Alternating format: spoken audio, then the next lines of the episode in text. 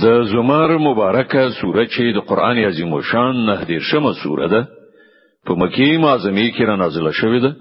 پنځه اویا مبارک آیاتونه لري تلاوت او پښتو ترجمه یې لومړی آیات څخه اوري اعوذ بالله من الشیطان الرجیم پناه وړم الله تعالی شړل شوی شیطان څخه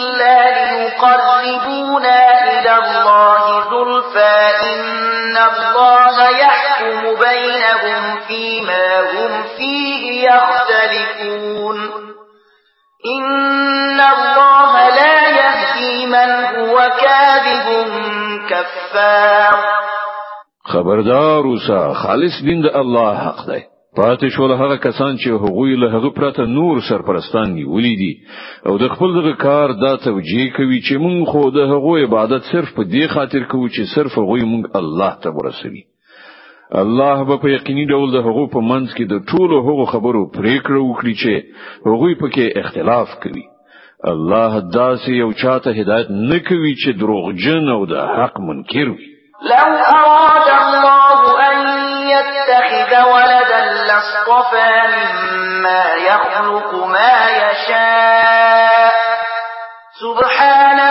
هو الله الواحد القهار که الله غوښتلای څوک زوی ونیسي نو خپل مخلوق نه چې چاته خوخه وای غوړه کړای به یو پاک دی هغه لدین چې څوک د هغه زوی وي هغه الله دی اکی یو او پر ټولو برلاسه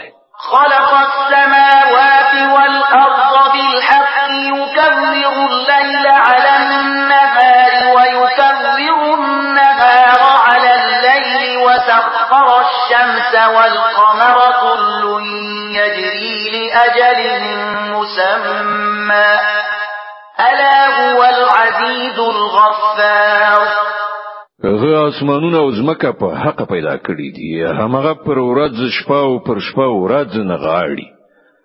هغه لمر او سپوږمۍ په داسې شان رام کړی دي چې هر یو تر یو ټاکلي وخت پورې روان دي و په هیږي هغه برلاس او بخون کوي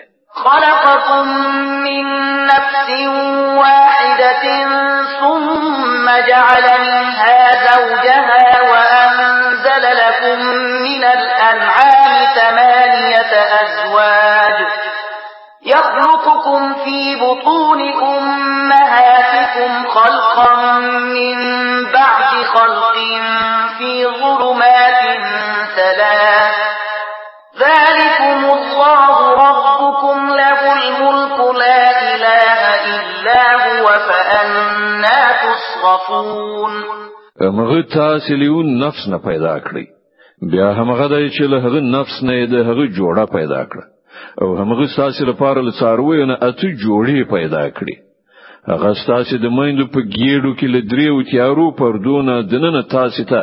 یو په بل پسې و بڼه درکړي همدغه الله چې دغه چاري سرته رسوي ستاسو پروردگار دی بچای د همغه ده له هغه پرته هیڅ معبود نشته نو تاسو کوم لوري ته اړول کیږئ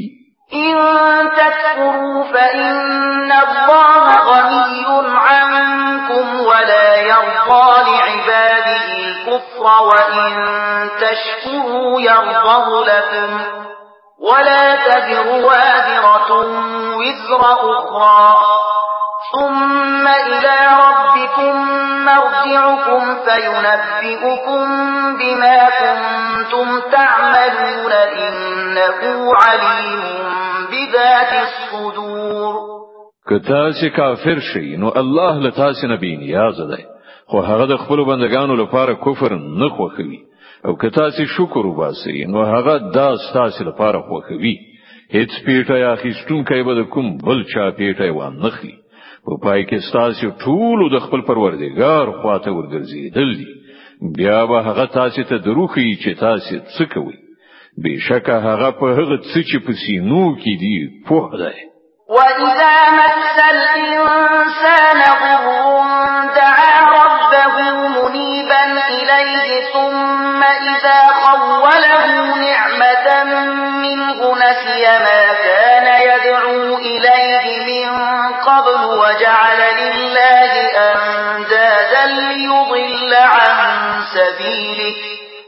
قل تمتع بكفرك قليلا إنك من أصحاب النار پر انسان چې کله کوم آفت راځي نو هغه د خپل پروردګار خواته پر رجوع کولو سره هغه بولی بیا کله چې د هغه پروردګار هغه په خپل نعمت سره سر لوړی کوي نو هغه بیا هغه مصیبت هیروي چې د هغه لامل یې مخکې بلنه کوله او نور د الله سیالان ګرځوي ترڅو چې د هغه لارې نه نور خلک هم واړوي ای پیغمبره هغه ته وایي چې لږ ورځ له خپل کفر نه خوند واخله ته په یقیني ډول دوزخ ته تلونکی امن هو قانت آناء الليل ساجدا وقائما يحذر الآخرة ويرجو رحمة ربه قل هل يستوي الذين يعلمون والذين لا يعلمون إنما يتذكر أولو الألباب آیا د دغه انسان کړن لار غوړه ده او که د هغه چا چې امر منون کړي د شپې په ساعتونو کې ولاړ وي او سجدي کوي له آخرت نه ویریږي او د خپل پروردګار رحمت ته هیله من کیږي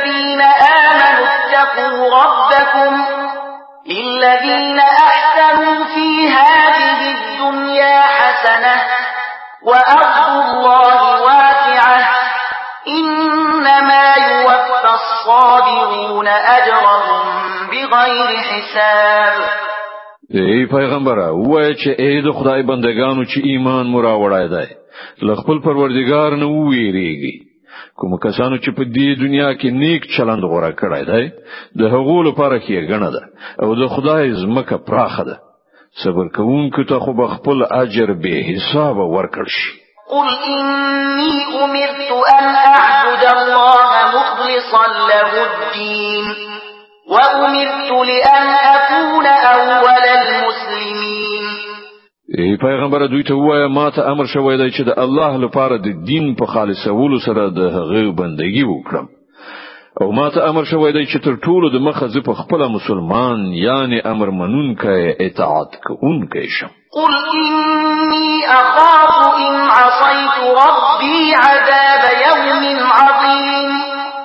وای که زه د خپل پروردگار نه فرمانی وکړم نو زه دې وستره ورځې له عذاب نه ویریږم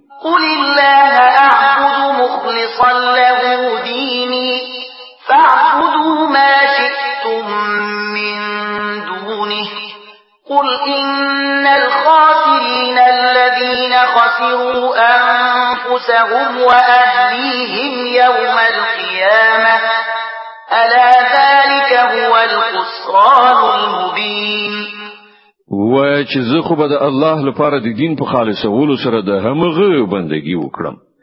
تاسو چې له هغه پرته د هر هر چا بندگی کول غواړي کوي وای اصلي مفلسان خو همغه کسان دي چې خپل ځانونه او خپل کورنۍ د قیامت د ورځې په زیان کې واچول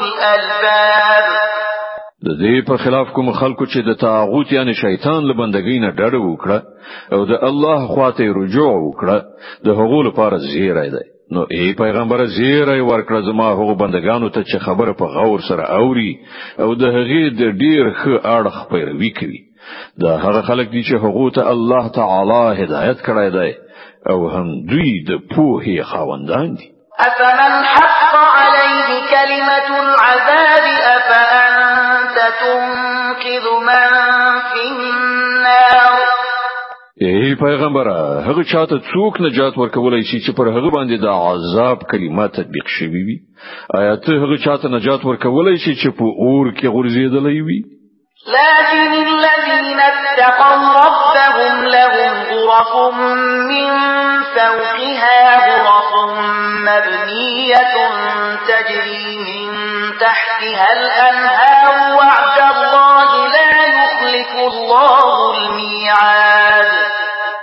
البته کوم کسان چې له خپل پروردګار نه ویریږي د هغو لپاره لوړې معنی دي د هغو پر سر نورې معنی جوړ شي چې تر هغو لاندې به ویالي بهيږي دا د الله وعده ده الله هیڅ کله له وعدې نه تخلف نه کوي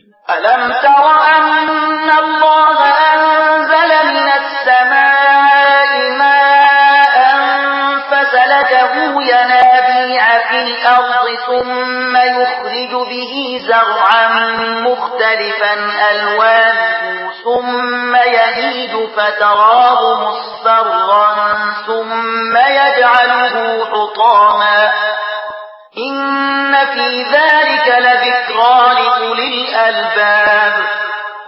آیات نویني چې الله له اسمانه عبور ولي بیا هغه د کاری زونو او چینو او سیندونو په شکل په ځمکه کې وبهولي بیا دغه اوبو په وسیله هغه راز راز کښتونه را باسي چې بیلا بیل ډولونه لري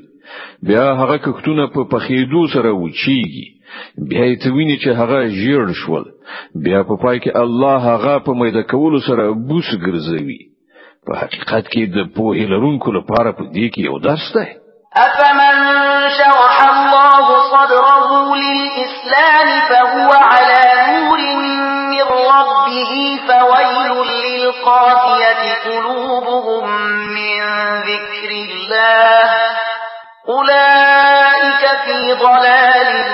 مبین آیا نو هغه څوک چې الله د هغه سینه د اسلام لپاره پرانستله او هغه د خپل پروردگار خواته په ورنا باندې روان دی د هغه چا په شان کې دی چې له دغه خبرو نه څه درس وانه خيست تباهی ده د هغو خلکو لپاره چې زړونه د الله په نصیحت سره لا زیات سخت شول هغوی په ښکاره گمراهی کې ورځېدلې دي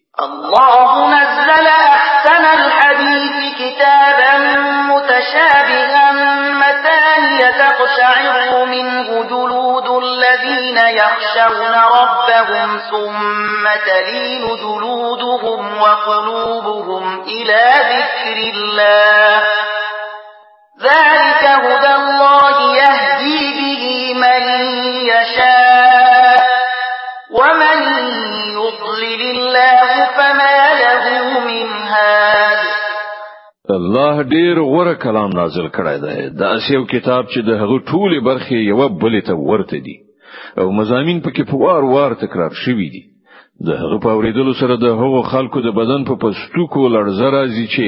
له خپل پروردګار نه ویریدونکي دي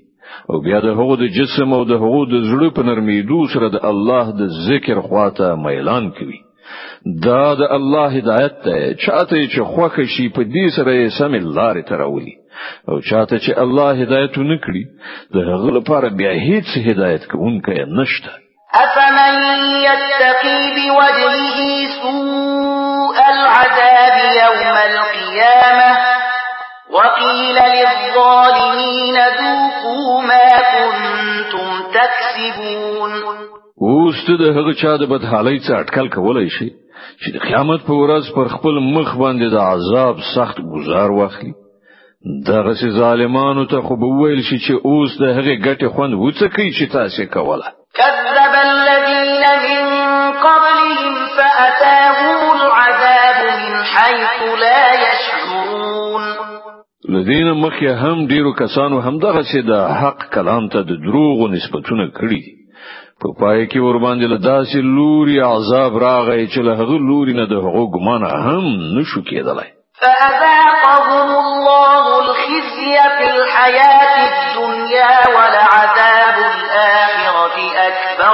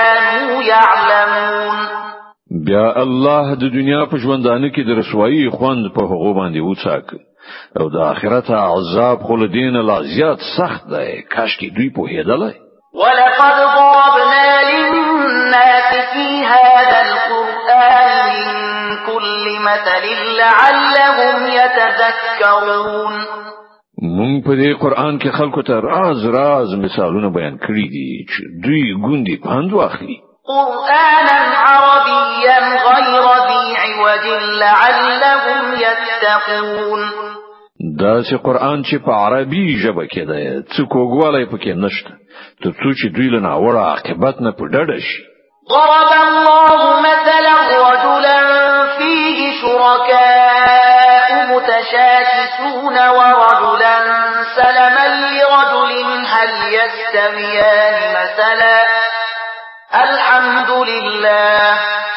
بل اكثرهم لا يعلمون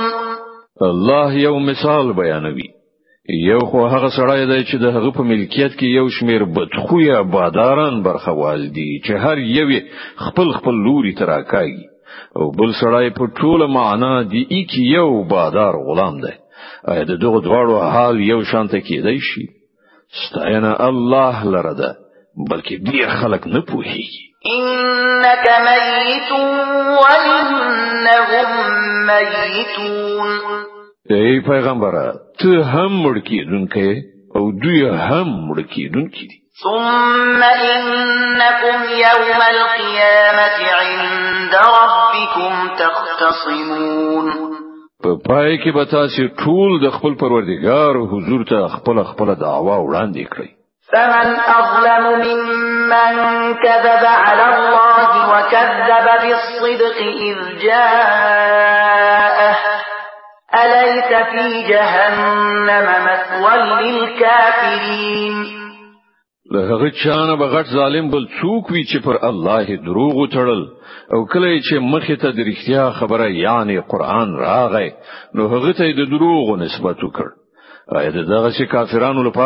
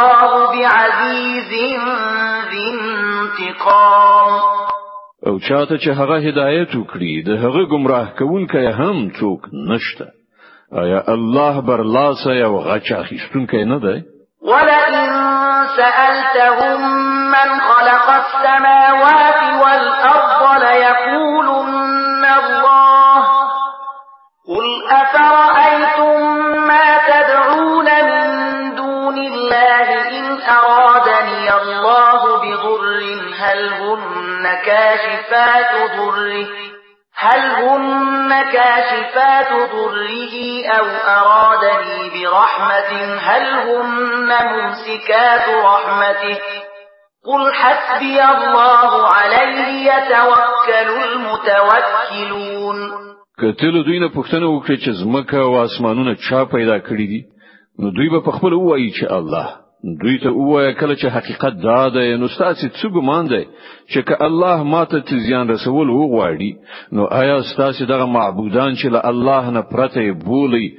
ما به د هغل رسول شوی زیان څخه وژغوري یا که الله پر ما باندې مهرباني کول وغواړي نو آیا دوی به د هغه د رحمت مخنیوي وکړای شي نو دوی ته وایي چې زما لپاره همدا الله کافی دی توکل کوونکی پر همغه توکل کوي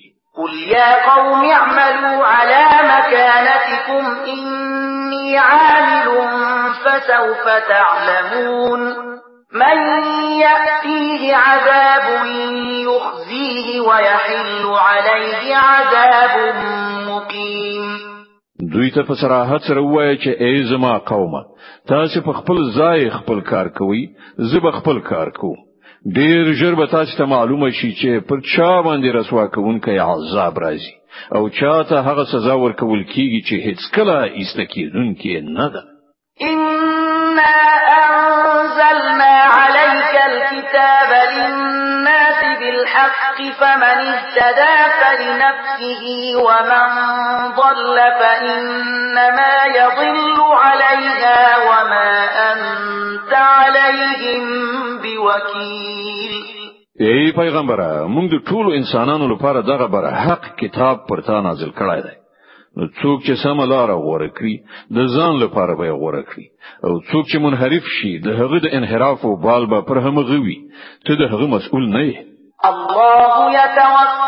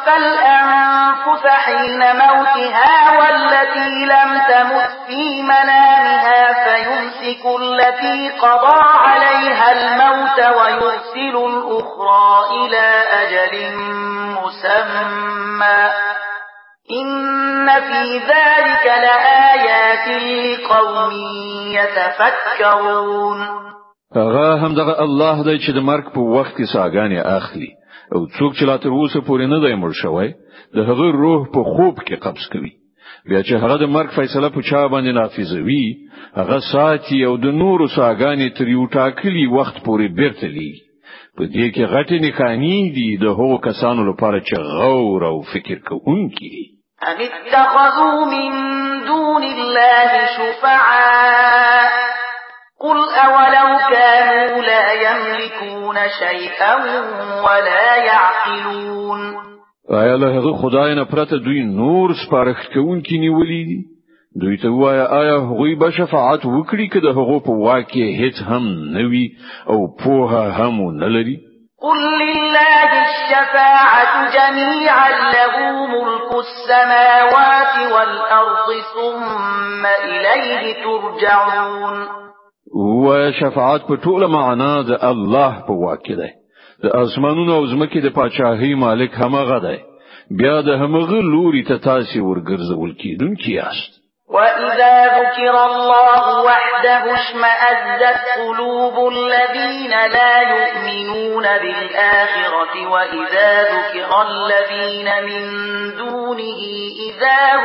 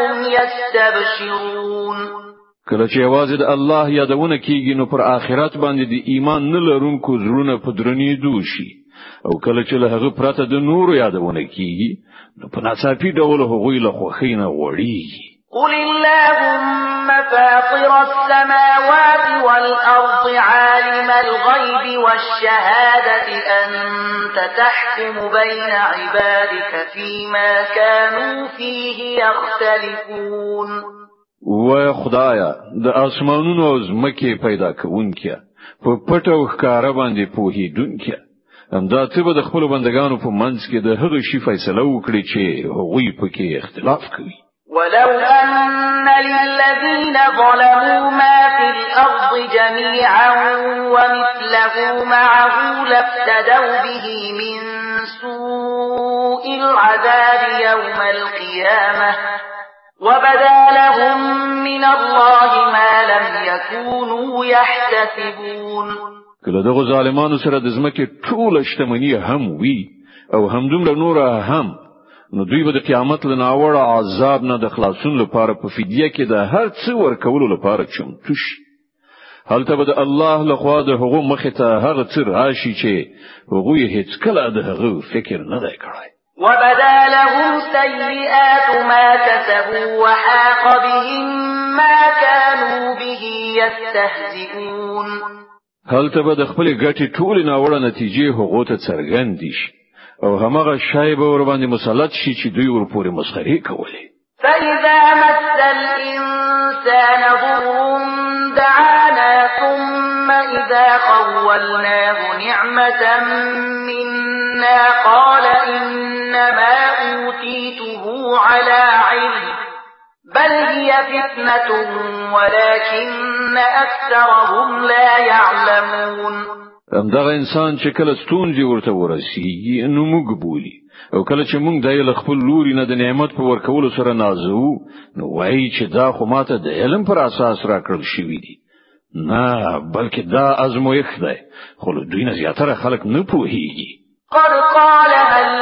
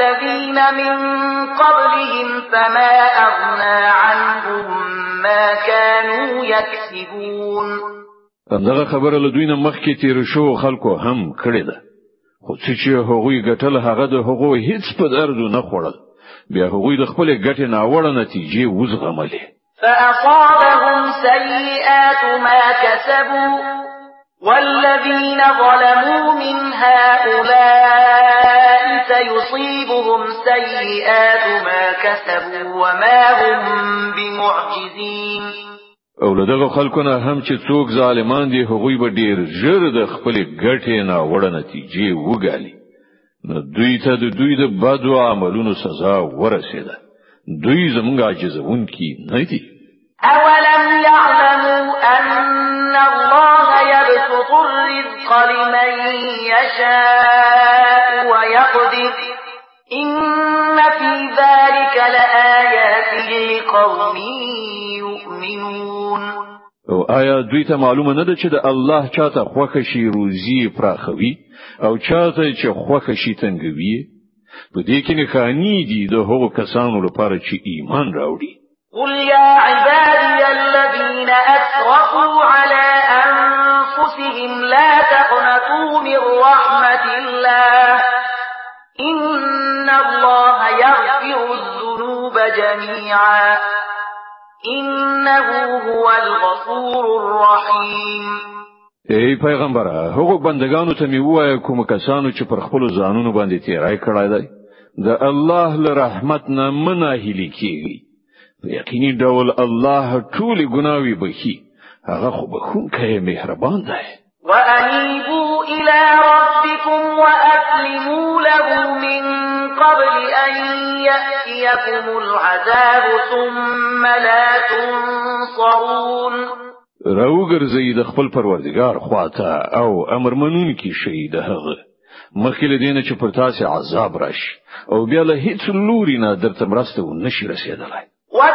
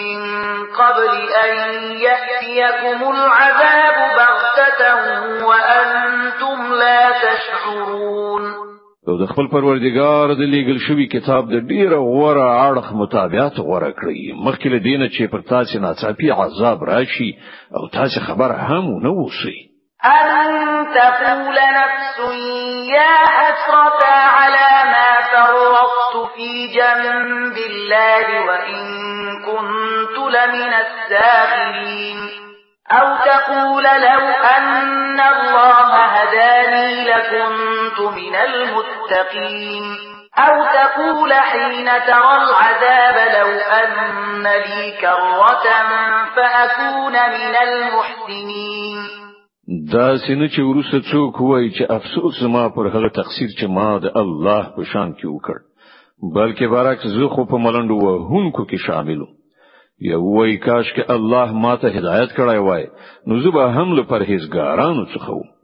یا د عذاب لیدل سره وای کاش کې ماته یو بل فرصت په لاس راشي او زه هم د ښه عمل کوونکو څخه شم بلا قد جاءتك آياتي فكذبت بها واستكبرت وكنت من الكافرين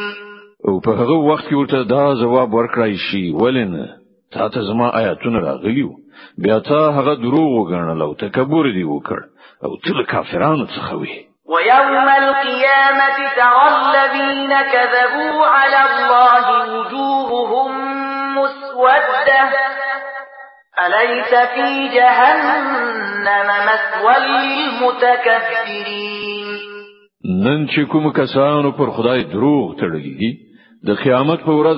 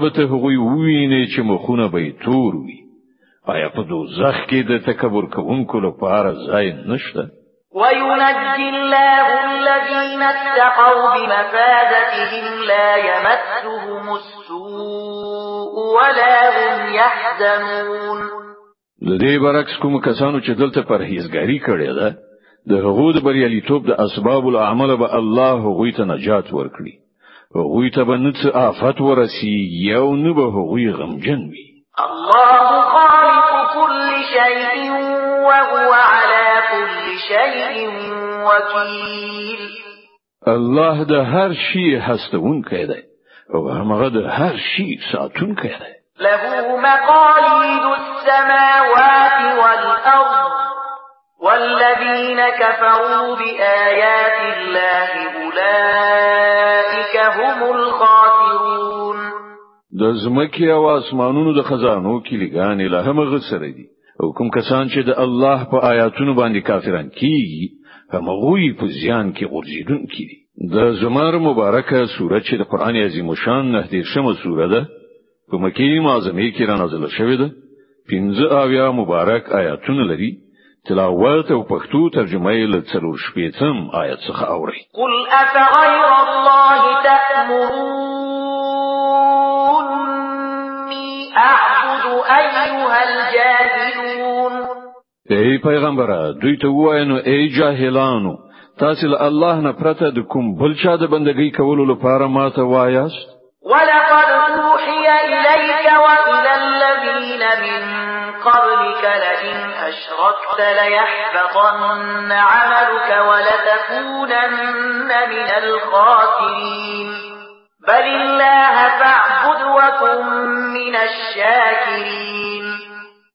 دا خبره باید ته هغه ته په ډاګه څرګند وکړي ځکه چې تا ته ولتان مخکې تیر شو ټول پیغمبرانو ته دغه وحی لګل شوی دی چې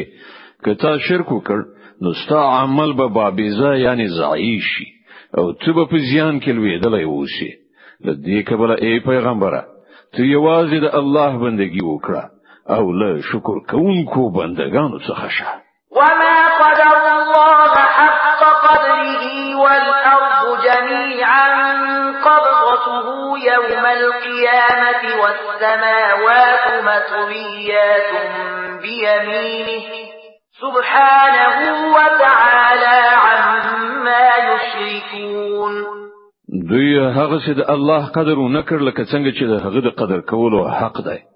د هغه کامل قدرت خود د اسې دی چې د قیامت په ورځ به ټول زمکه د هغه په قبضه کې وي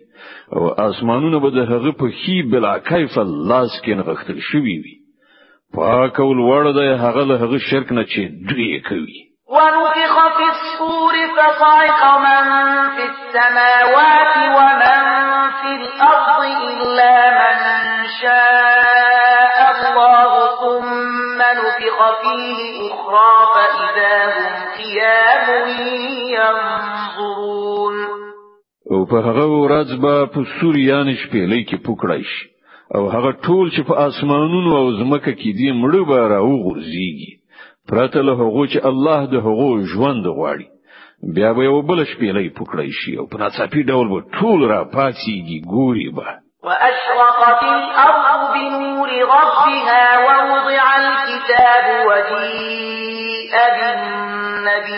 النبيين والشهداء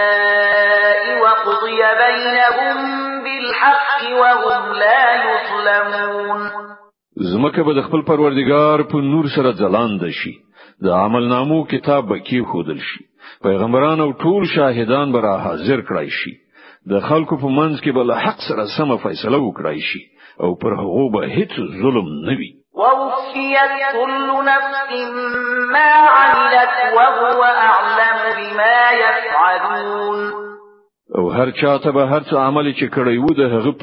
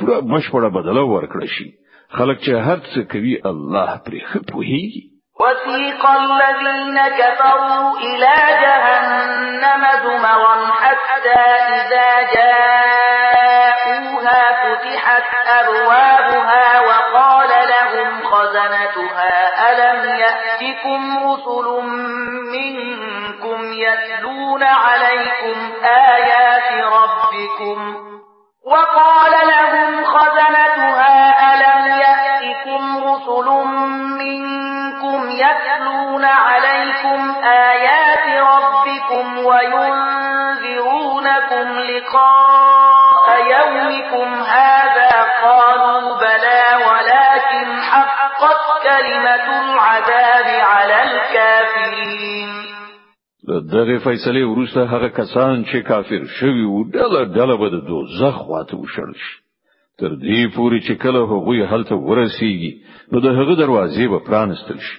او د هغه ساتونکي به هغه ته وایي چې آیا تاسو ته ستاسو له خپل خلکو نه داسې پیغمبران نو راغلي چې هغه تاسو ته ستاسو د پروردګار آیاتونه ورغولي وي او تاسو له دې خبرې نه ویره ولي اس چې یو وخت به تاسو دغه ورځ هم وینئ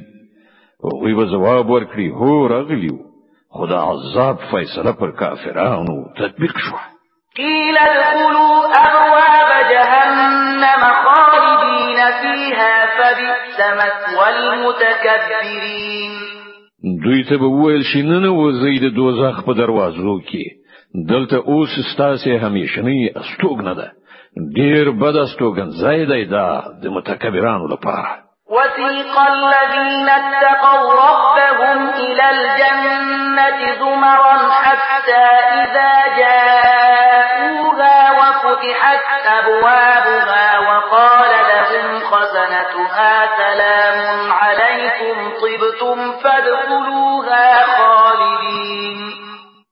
او کوم کسانو چې د خپل پروردګار له نافرمانی نه ډډه کوله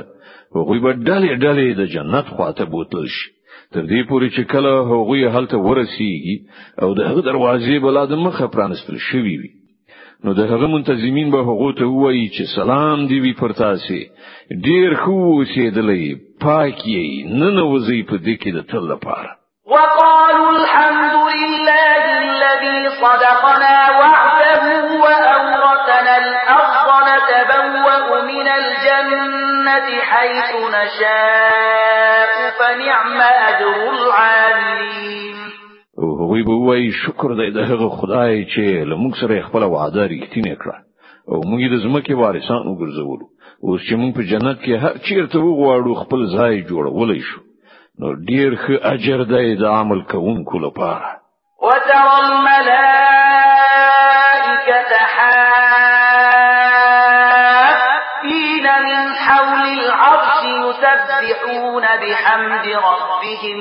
وقضي بينهم بالحق وقيل الحمد لله رب العالمين او ته به وګوري چې پرښتې ادار چار چار پیره حلقه جوړې شوې د خپل پروردگار سنا ویونکې او پاکي بیانونکې به وي د خلکو په منځ کې بل حق سره سم فیصله صادره کړای شي او غږ به وشي سنا ستاینه د عالمیانو د پروردگار لپاره د